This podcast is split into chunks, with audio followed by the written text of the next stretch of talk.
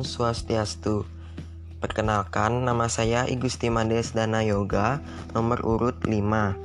Nah, kali ini saya akan membahas materi tentang peta konsep isi buku.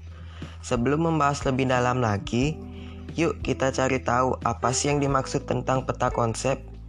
Nah, peta konsep adalah suatu bagan struktur yang digunakan untuk menyatakan hubungan yang bermakna antara konsep-konsep dalam bentuk proposisi-proposisi. Nah, setelah membahas apa itu peta konsep, berikut langkah-langkah membuat peta konsep.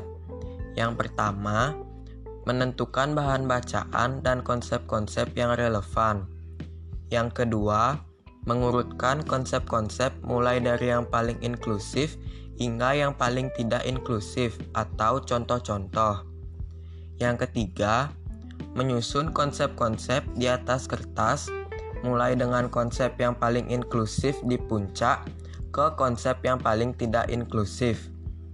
Yang keempat, menghubungkan konsep yang berkaitan dengan garis-garis penghubung dan memberi kata penghubung pada setiap garis penghubung tersebut.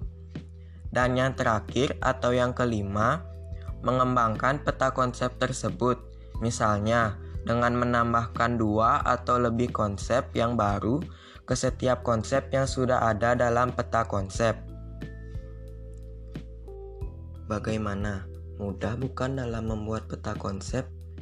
Nah, sekian dari saya. Mohon maaf bila ada salah kata.